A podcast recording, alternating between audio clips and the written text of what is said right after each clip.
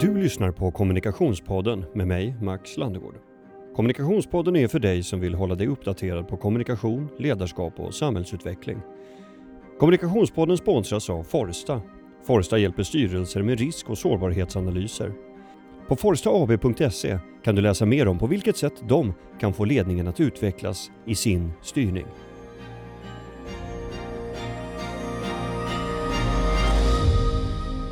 Välkommen ska jag säga till denna eh, publikinspelade eh, variant utav Kommunikationspodden. Eh, vi har corona-anpassat oss inför denna eh, inspelning. Nu har vi en mycket exklusivt inbjuden liten skara med inte mindre än fyra eh, publik. Ni, ni, är nästan lika många i publiken som vi är som ska prata också. Eh, som är inbjudna hit. Och så har vi också eh, våra som jag också ska presentera. Eh, välkomna ska ni alla tre vara till Kommunikationspodden. Först av allt Emma Riblom, idag kommunikationschef vid Postnord. Eh, tidigare på Eniro bland annat, British American Tobacco och även JKL bland annat. Tack så mycket. Eh, Andreas Miller, förbundsordförande på Ledarna sedan 2018, eller hur? Eh, men tidigare på Sveriges Radio i 28 år, va? Det stämmer. Reporter, redaktör, chefsuppdrag på många olika ja, platser. precis. Mm. Eh, och du har också varit ordförande för Medieledarna. Det har jag varit i åtta år innan jag blev förbundsordförande. Just det. Mm. Välkommen till dig. Tack så mycket. Eh, och Caroline Stark är idag kommunikationsdirektör på Arla, tidigare kommunikationschef på försäkringsbolaget If, innan bland annat på Ericsson. Välkommen också du, Caroline. Tack så mycket. Eh, det här är liksom en coronaspecial. Eh, och jag tänkte bjuda in er till för att prata just om kommunikation och ledarskap i sviterna efter en minst sagt omtumlande eh, jag, alla frågor jag ställer kommer ställas i plenum så får ni turas om vem som vill vara först med att, att svara. Hur påverkade våren 2020 era respektive verksamheter? Emma, vill du börja? Ja, alltså vi har ju förmånen att få jobba med e-handeln och e-handeln växte ju med 49 procent i andra kvartalet. Så att eh, vi befann oss i en situation där vi helt plötsligt hade väldigt stora volymer att ta hand om. Samtidigt som preferenserna hos mottagarna skiftade. Man ville mycket större utsträckning ha sakerna direkt hem såklart. Så vi fick ett stort ökat antal hemleveranser eh, samtidigt som vi hade väldigt många sjukskrivna. För jag menar, corona slog mot oss med och de hårdare och strikta riktlinjerna att vara hemma vid minsta symptom. Så det har inte varit utan utmaningar, men väldigt mycket positivt också. Jag ska också säga att vi väldigt fort då blev klassade som samhällsviktig verksamhet av MSB. Och det var också lite skönt att ta med sig in. Det gav oss lite råg i ryggen i hela den här perioden. V vad innebar det rent konkret? Rent konkret så är det ju ett antal verksamheter som har valts ut för att kunna få tester snabbare etc. Sen kom det här till så pass sent att det inte gjorde jättestor skillnad. Men, men det är ändå en här, stämpel i baken någonstans. Vi är viktiga och vårt uppdrag är viktigt. Det, det gav organisationen råg i ryggen. Mm. Eh, jag ska ju välkomna in Andreas Miller snart, men jag tänker Caroline Stark, hur har det varit för Arla eh, våren 2020? Det blev ju en jättestor omställning för med tanke på hur folk förändrade sina liv plötsligt. Man stannade hemma, vilket innebar att man började laga både frukost, lunch och middag hemma. Behöver massa mat till det. Folk började bunkras och in i bombens med long life-produkter och sånt där som man kanske inte använde så mycket innan. Eh, samtidigt som alla restauranger, kaféer, gymnasieskolor, eh, universitet stängde ner. För vi har ju två verksamheter. Vi har dels liksom retail till mataffären och dels alla produkter som går ut till, till sjukhus, universitet, eh, restauranger och så vidare. Så den ena delen ökades på jättemycket och den andra tog tvärstopp. Mm. Så att det handlade ju för oss jättemycket om att styra, styra om produktionen och styra om logistiken eh, för att se till att vi hamnade rätt. Och då är det svårt i början att veta hur länge ska det hålla på? Hur, eh, är det en vecka eller kanske en månad eller är det ett år? Eh, samtidigt som vi hade samma utmaningar som ni är med att folk blev sjuka. Hur ska vi kunna hålla produktionen igång ute på mejerierna om det blir ett jättebortfall av människor? Och vad händer inte minst med liksom skräcken i samhället om det plötsligt, det går inte att köpa någon mjölk. För det, de, liksom, då är det liksom fara och färdig på riktigt på något sätt. Först toapapper och nu mjölken också. Ja, men tänk, tänk dig, jag kan inte köpa mjölk till kaffet, för det finns inte. Det är tomt på hyllorna. Det har inte vi varit med om i Sverige egentligen, på väldigt, väldigt länge. Så att den eh, frågeställningen, kommer vi klara det här? Också som samhällsviktig eh, aktör. Liksom. Eh, och att, att vara samhällsviktig innebär till exempel att vi skulle få förtur till dagis och sånt där. Om det skulle behövas, att man måste prioritera bland folk. Eh, nu behövde vi inte hamna där och det var ju otroligt skönt. Men första veckorna var det verkligen sådär all hands on deck och alla hjärnor on deck också. Hur fasen löser vi det här? Ja, alltså jag, jag, precis som många andra, drogs med i den här vågen. Eh, Den första veckan när det nästan rådde undantagstillståndskultur i åtminstone, så åkte jag ut och tänkte att ja, men vi, det är väl dags att bunkra, precis som alla andra gör, hygienartiklar och havregryn. Men det var verkligen tomt i, i hyllorna. Eh, så är det. Eh, Andreas Miller, alltså jag, jag tänker på ledarna som egen organisation, utan eh, ni är ju ett medlems, en medlemsorganisation. Hur har det varit i de tentakler som du har ut bland ledare och chefer ute i landet? Ja, vi är ju 95 400 chefer som är med i Ledarna och som finns i alla samhällssektorer. Eh, när pandemin drog igång så var det just det där att jag ville få lite koll på hur är det i olika branscher. Så jag gjorde också en, eh, en podd kan man säga och pratade med ledare i pandemikrisen. Och då kan man säga att ett tema som gick igen oavsett om jag kom till livsmedelsindustrin eller om jag kom till sjukvården eller om jag kom till kostcheferna i kommuner så var det ett ord som gick igen och det var kommunikation.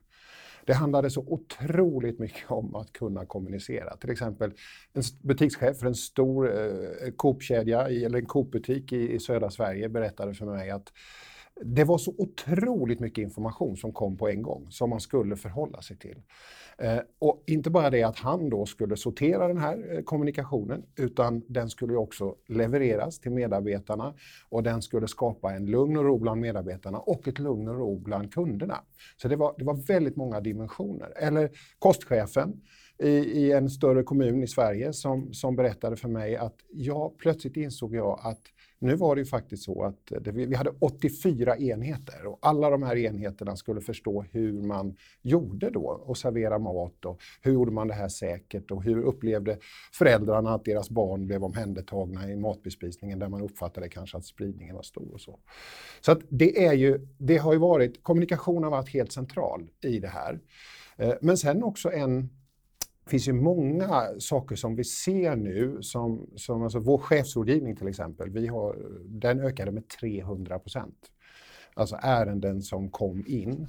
Vad var det för typ av frågor som kom in där? Ja, då, dels var det förstås korttidspermitteringar. Det var ju ett stort, alltså väldigt många behövde ju korttidspermittera och hur ska jag göra som chef nu? Och dels det, men sen var det ju också så att det var ju chefer som upplevde så här, ja, ni hade ju jättemycket att göra. Ni fick ju otroligt mycket att göra för att ni fick en, kan man säga, en efterfrågan. Eh, så. Men det fanns ju andra som efterfrågan fullständigt dök. Och, men man hade aldrig haft så mycket att göra som chef. Därför att nu behövde man försöka, hur ska jag göra? Hur ska vi göra här nu för att överleva? Och samtidigt hantera medarbetares stora oro. För det är klart att man såg att vi har inga kunder, här kommer inte någonting in. Man är ju smart, man fattar det här kommer inte hålla. Mm. Så att, och sen har vi ju då, vi har ju väldigt mycket chefer inom vården. Ungefär 8000 av Sveriges vårdchefer är med i ledarna och det är klart för dem har det ju varit en, en helt abnorm situation. Att, att i det här läget så att säga veta att här bara, ja men som jag pratade med en, en chef på Skånes regionsjukhus som sa, nu var det ganska lugnt där eh, förhållandevis. Nu pratade jag med henne bara för någon dag sedan, nu börjar det ju öka, oron stiger.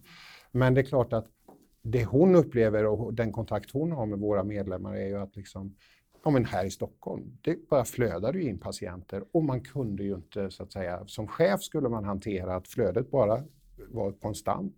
Medarbetarna gick under en otrolig belastning, cheferna gick under en väldigt stor belastning. Och då kan man säga så här att det, det som vi har ju frågat chefer också nu efter coronapandemin, hur man upplevde det här. Och då är det faktiskt många som säger att ett av de viktigaste sakerna, det var att man hade chefsstöd, alltså att man pratade med varann som chefer i, det här, i den här situationen. Att det var otroligt viktigt. Eh, Emma och Caroline, alltså, hur har vårens erfarenheter påverkat ert synsätt på kommunikation?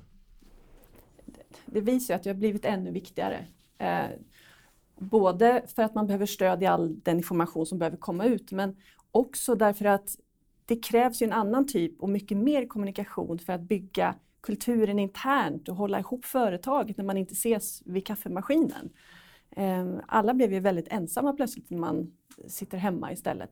Så att där krävdes ju plötsligt mycket mer eh, kulturell kommunikation för, för att hålla oss samman och, och stötta och såklart också visa vilken väg framåt vi, vi kommer att ta i, i, i det här. Um, sen så tyckte jag också att det blev det blev mer känslomässig kommunikation på något vis. Det handlade mer om hur, att vi bryr oss om varandra och hur man liksom, eh, ja, frågar hur folk mår på ett mm. annat sätt än vad man gjorde tidigare. Eh, och det är en utmaning då när allt det där måste ske digitalt. Liksom. För mm. de digitala kanalerna eh, tvingades utvecklas liksom, väldigt, väldigt snabbt. Eh, allt från stormöten till ja, vi drar igång en podd för det, det är ett bra sätt. Eh, så att, att hitta alltså den uppfinningsrikedomen som krävdes och få ut budskap som man normalt sett bäst förmedlar live. Liksom. Mm.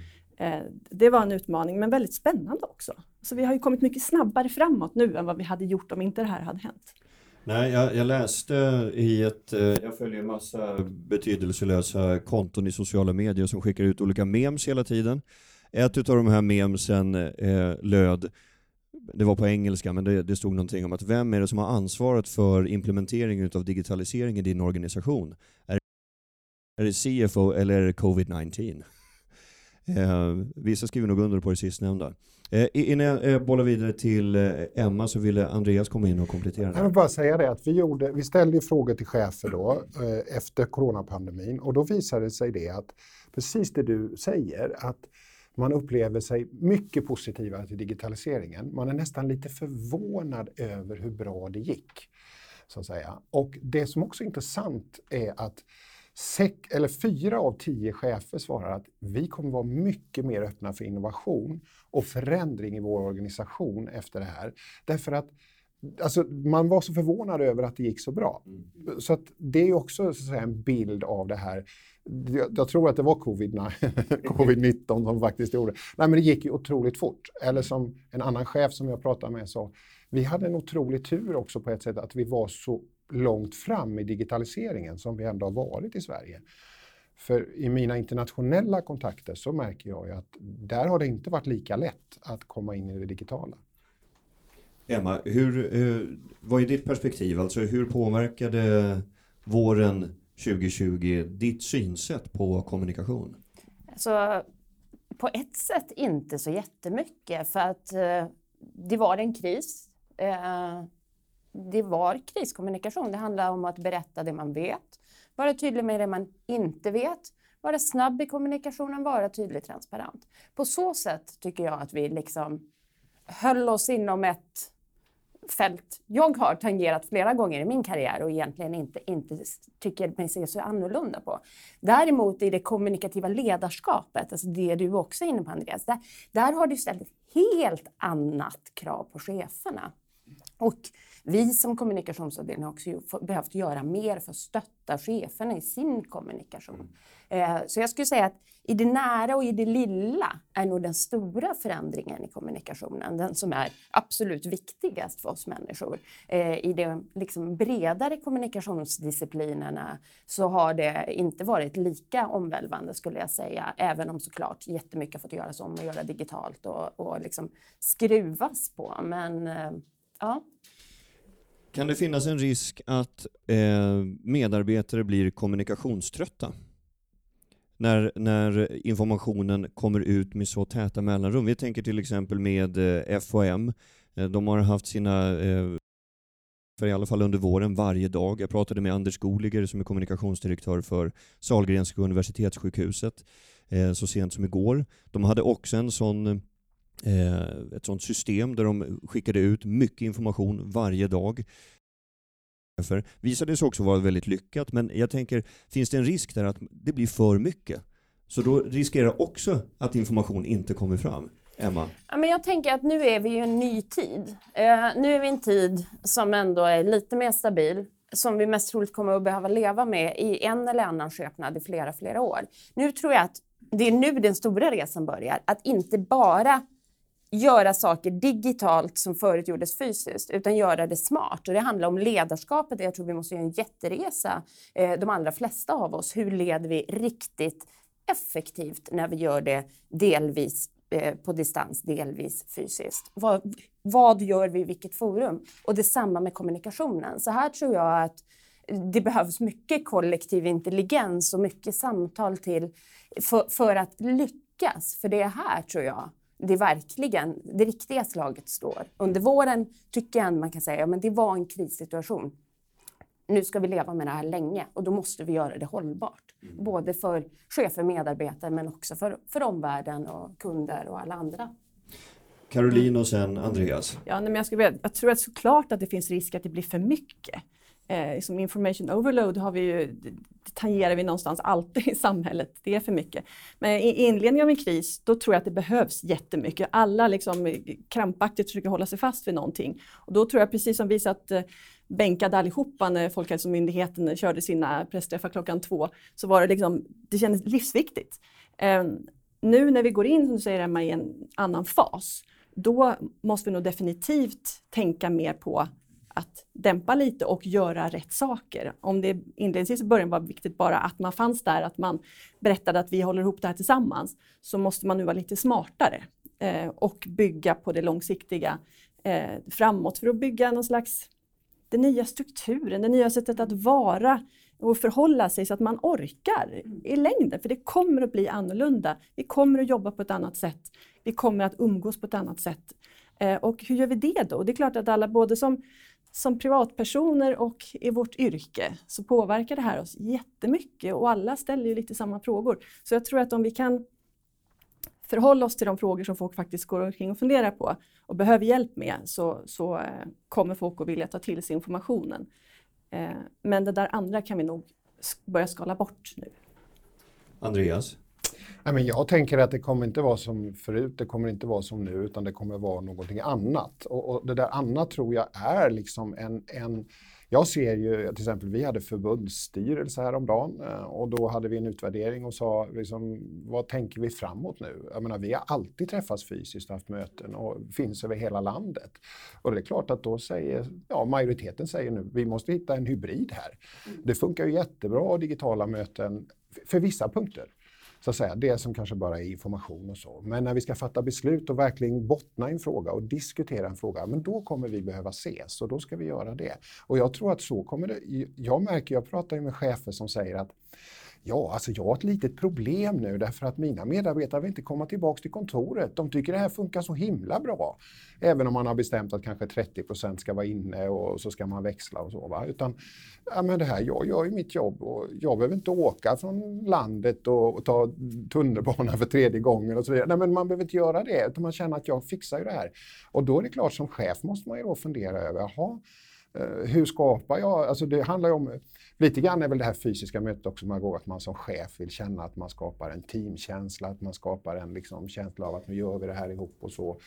Och, ja, men nu hittar man den känslan då samtidigt som man ska vara smart och använda den här mm. nya situationen. För det är klart det, och, ja. och våga bottna i att man kan ha kontroll över människor, alltså över vad som görs utan att se Tillit. människor. Tilliten, ja, alltså att absolut. bottna i tilliten. Men, samtidigt som man behöver hjälp kanske att få en spark i baken ibland, för det kan man ju känna själv. Att man, åh, ska jag åka till jobbet idag? Och sen när man väl gör det så är det ju fantastiskt att träffa varandra. Men det är ju en liten tröskel på ett sätt som det inte var innan. Och sen måste man också, förutom att man inte riskerar att bli lat, för det tror jag inte att vi blir. Vi jobbar nog häcken av oss allihop, men också fånga upp de som kanske mår dåligt. Mm. Alltså medarbetare som, som sitter där hemma och som man inte har koll på längre.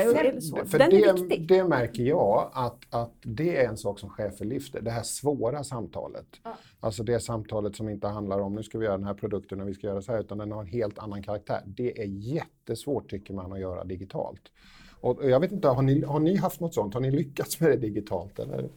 Jag har haft några, inte gått eh, kanske så bra som man vill. Alltså det är svårt att ha svåra samtal digitalt. Och jag, jag avundas verkligen inte de chefer som var tvungna att, att varsla och liksom ta alla de här jätte, jättesvåra grejerna digitalt. För det är ju ändå många som var tvungna att göra. Och det är ju, det är ju ingenting man vill som chef. Man vill ju faktiskt ja, göra det där face to face. Ja, det är jättebra att ni kommer in på det, för det där var också min nästa fråga. Alltså, hur gör man med svåra samtal och det sociala?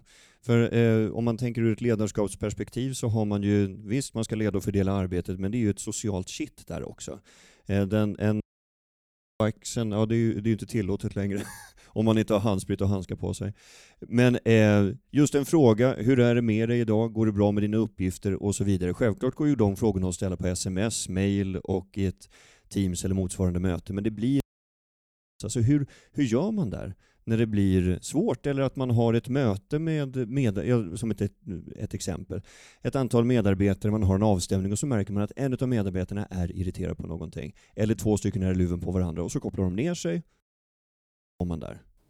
Alltså, hur, hur gör man, Emma? Alltså, jag tycker telefon, alltså riktigt vanligt telefonsamtal har fått en revival. För just de tillfällena. Alltså, mm jag tror att jag inte pratade i telefon alls lika mycket i februari som jag gjorde under resten av åren. För det faktiskt funkar rätt bra. Visst, det är alltid bättre att ses, men eh, mycket kan man lösa så. Mm. Telefon i kombination med att, vet du vad, vi går ut och går lite. Du går ut och går hos dig, så går jag ut och går hos mig och så mm. pratar vi i telefon.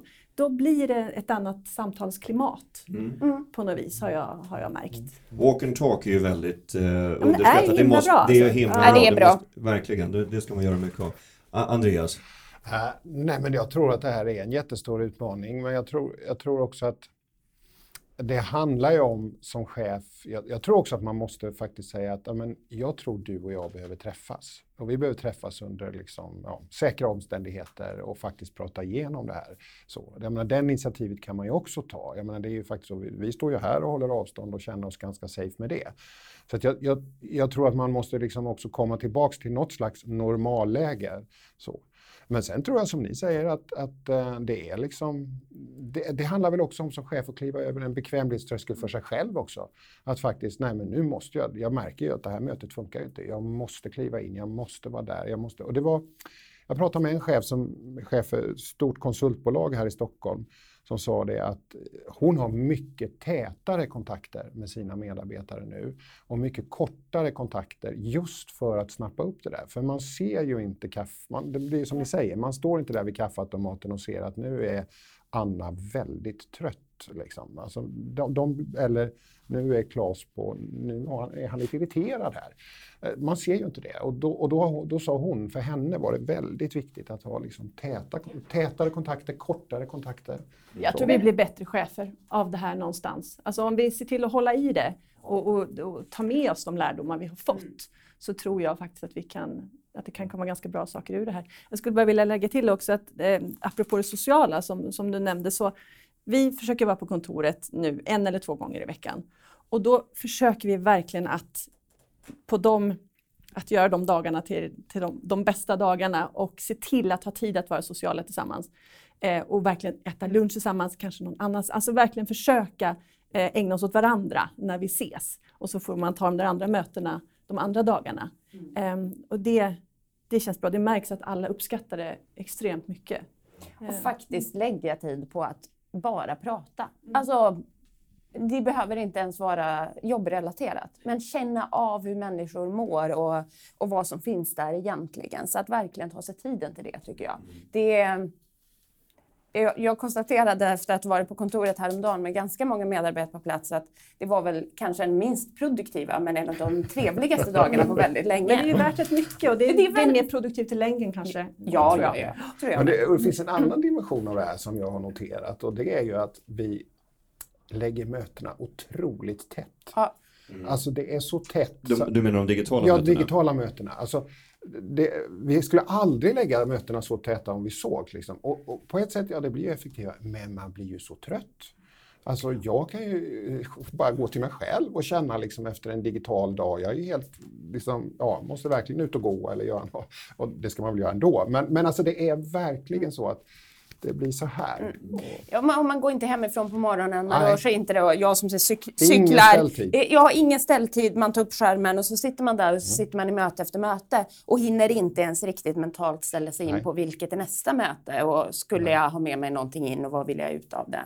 Eh, det där är en av de saker jag verkligen tror vi måste bryta. Vi måste ha ett gemensamt ansvar i mm. organisationer och mm. företag. Liksom, vi kan inte ha det så här. Jag har sagt till alla mina medarbetare, de måste blocka luncher, de måste blocka tider för att hinna ta en promenad eller lunchträna eller göra något annat. För det fungerar inte. Vi kan inte, vi kan inte bara flytta över allt digitalt och så bara lägga det som ett raster. För det kommer att öka ohälsan Ja. dramatiskt tror jag. Andreas, finns det några ledarskapstyper som har det svårare nu under pandemin? Ja, Svårare? Ja, det är... Det, jag, skulle säga, jag skulle säga den som... Det man, ja, nu vänder jag på din fråga, det, men jag skulle säga så här att det ledarskap som framför allt har utvecklats är det situationsanpassade ledarskapet. Eh, Ja. Beskriv det. Nej, men det har ju varit, ja, det situationsanpassade ledarskapet är ju helt enkelt att du har stått inför en helt ny eh, situation. Du har varit tvungen att tänka, hur löser jag det här? Inte efter gamla mallar, utan jag måste ju faktiskt fundera på, men hur gör jag nu då om alla på Arla ska sitta hemma och jobba? Hur gör vi då? Eh, hur skapar vi de bästa förutsättningarna för att faktiskt få produktiviteten att gå framåt? Hur gör vi om halva personalen blir sjuk? Eh, det har, den frågan kanske vi aldrig har ställts inför på det sättet. Så att säga.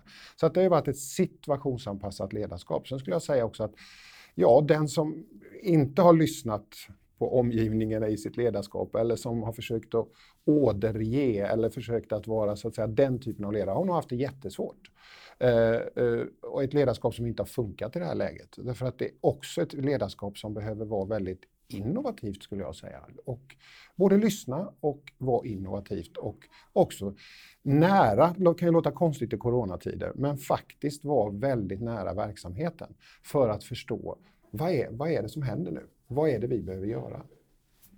Emma? Jag tänker också att det har behövt vara väldigt individanpassat givet liksom hur olika corona har påverkat oss. Alltså skillnaden mellan att vara ensamstående, sitta ensam hemma, jobba, liksom vara, bli väldigt mycket själv där man haft det sociala med jobbet i en stor utsträckning kontra de som faktiskt har haft ja, men, sjuka föräldrar eller har föräldrar som har avlidit av det. Och liksom, alltså det vi, har, vi har ju haft hela spektrat. De som har suttit hemma med småsnoriga barn som inte fått vara på, på förskola eh, och försökt sköta jobbet ändå. Alltså, vi har alla haft otroligt olika förutsättningar att klara vår vardag.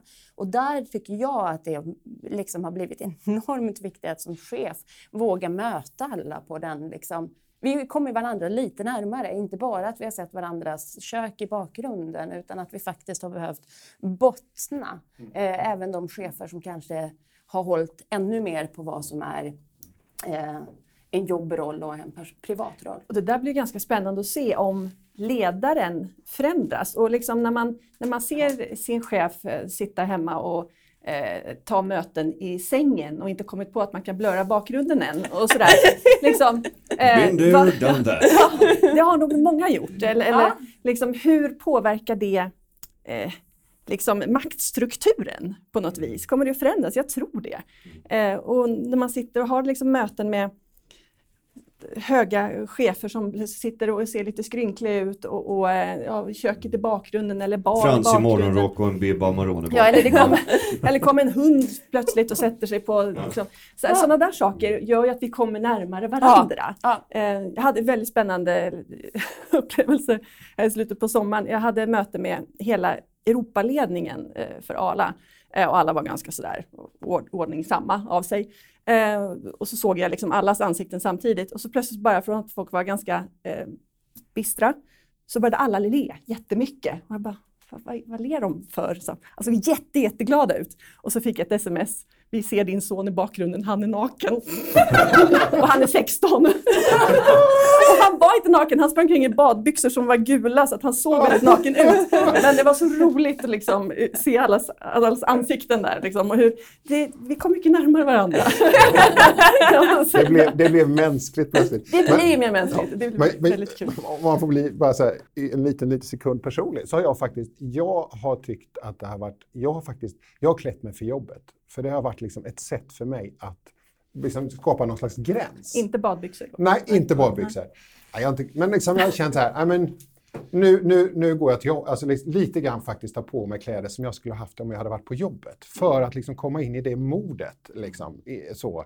Också skapa en gräns. Liksom. Nej, men nu kommer jag hem från jobbet. Alltså, liksom, eftersom det har varit 30 sekunder till jobbet. Så har jag, och, och jag pratar med andra chefer som har gjort likadant. Liksom det här att nej, men jag behöver, ha, jag behöver skapa någon slags gräns så inte det börjar bli helt... Eh, ja. Men både överkropp och underkropp då? Ja, precis. För den är spännande. Många kör ja, bara... Alltså, jag, jag klär det på hela kroppen. Naveln upp. Ja, nej, nej, nej. nej, jag, nej jag, så här, shorts och skjorta nej, känns nej, som nej, att det var en klassiker i somras.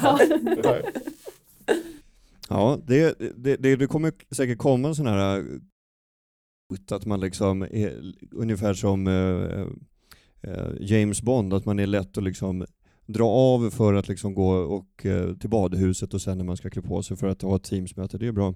Finns det några processer eller arbetssätt som är här för att starta som ni tar till er som bara, men det här har jag verkligen lärt mig, det här kommer jag att fortsätta med? Ja, men digitaliseringen har vi lärt oss mycket av. Eh, att man kan faktiskt ha effektiva möten på Teams, att man inte måste ta hela dagen till att resa eh, någonstans. Det är någonstans bevisat nu att det kan, faktiskt kan funka. Det tror jag kommer fortsätta, både för att spara pengar och spara eh, miljö och sådär. Eh, och sen att, alltså jag kan, tror att det här kan ha varit lite räddningen för oss i den stressen som nästan alla upplever, den trängseln i kollektivtrafiken. Tänk om det blir så att alla faktiskt kommer börja jobba hemma ett par dagar i veckan man får bättre balans i livet, eh, möjlighet till i alla fall. Eh, det blir mindre trängsel, man på någonstans, det blir mer hållbart. Alltså jag tror att mm. vi, det finns stora möjligheter med det här om vi liksom plockar russinen i kakan och tar med oss det, det göttiga som ändå mm. vi har fått uppleva i detta. Mm. För mig så känns det, det är lite lättnad på något vis. Aha, så här kan man också göra. Och det har blivit accepterat. Mm. För innan så kanske man kämpade, jag vill jobba hemma på fredagar, så fick några det och några fick inte. Nu är det liksom okej. Okay. Mm. Just det. Och slippa bromsa sig över Essingeleden ja. varje morgon i två timmar. Eh, Emma, vad, vad, vad tar du med dig? Nej, men jag tycker Caroline säger så mycket klokt. Alltså, jag tror... Jo, men, jo då. jo då. Men, nej, men, nej, men alltså, det finns ju någonting väldigt viktigt i det här. Jag tror att många upplevde sommaren också. Det var inte den här hetsen, man skulle hinna hundra saker på semestern. Alltså, jag tror aldrig jag har kommit tillbaka så riktigt utvilad i hela mitt liv.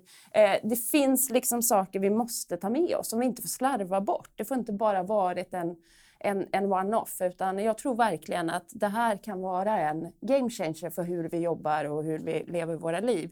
Om vi lyckas ta med det som är bra och så bygga på det med, med, med resten av vad som faktiskt var bra i världen innan corona. Mm. Andreas?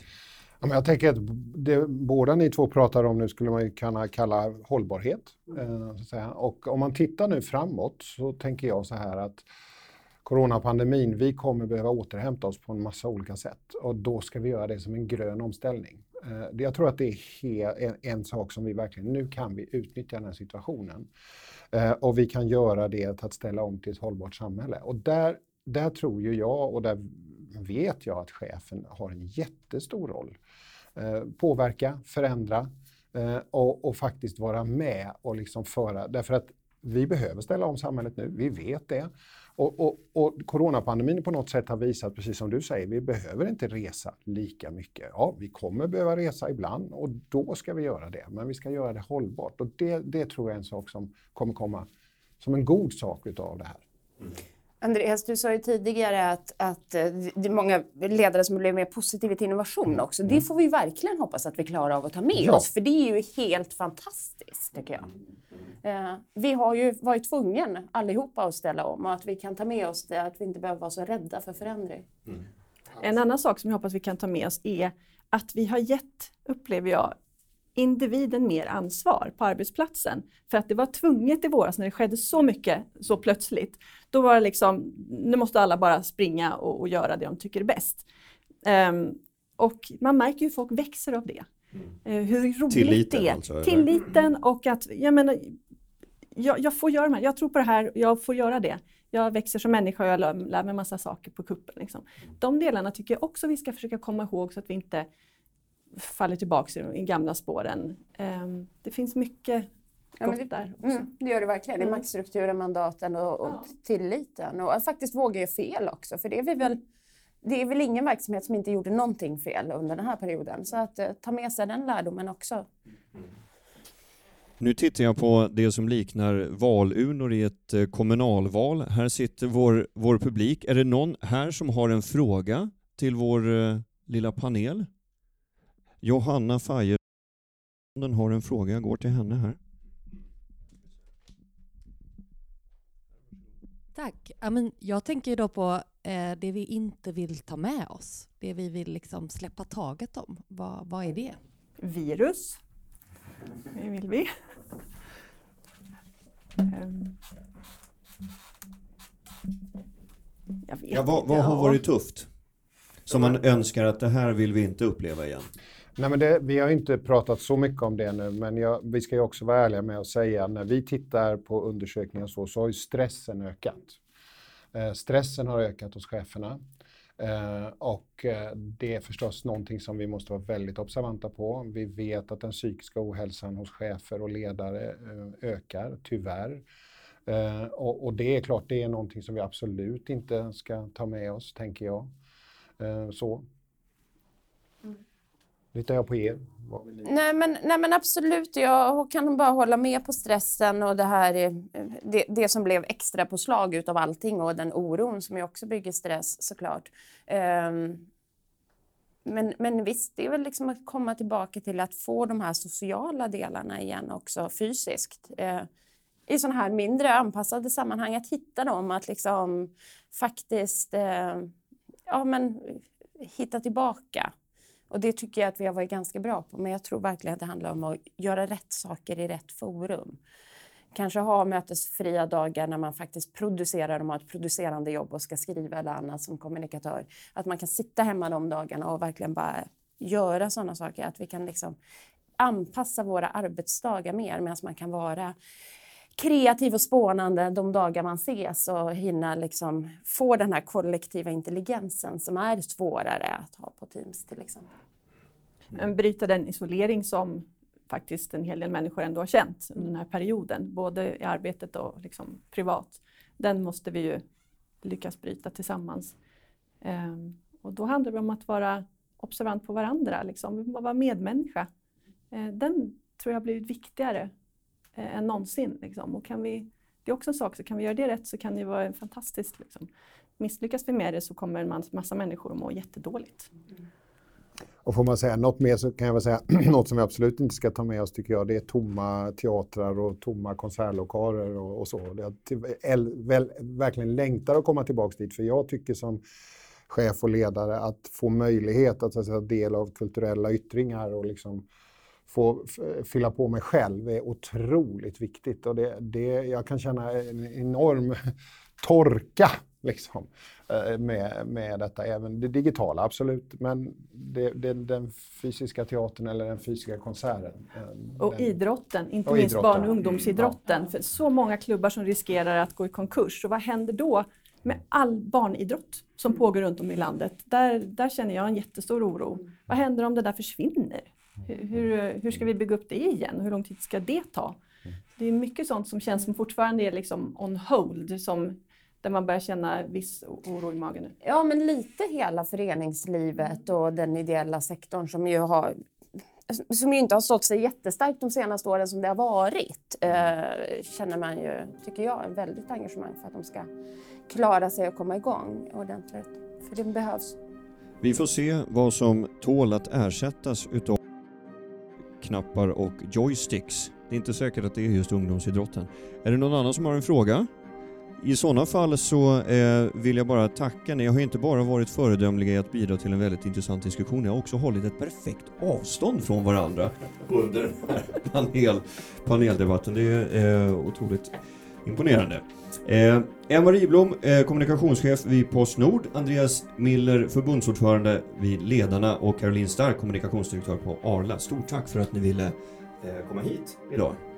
Tack för att Tack vi fick så komma. jättemycket. Trevligt. Nu, kan, nu går det bra att applådera.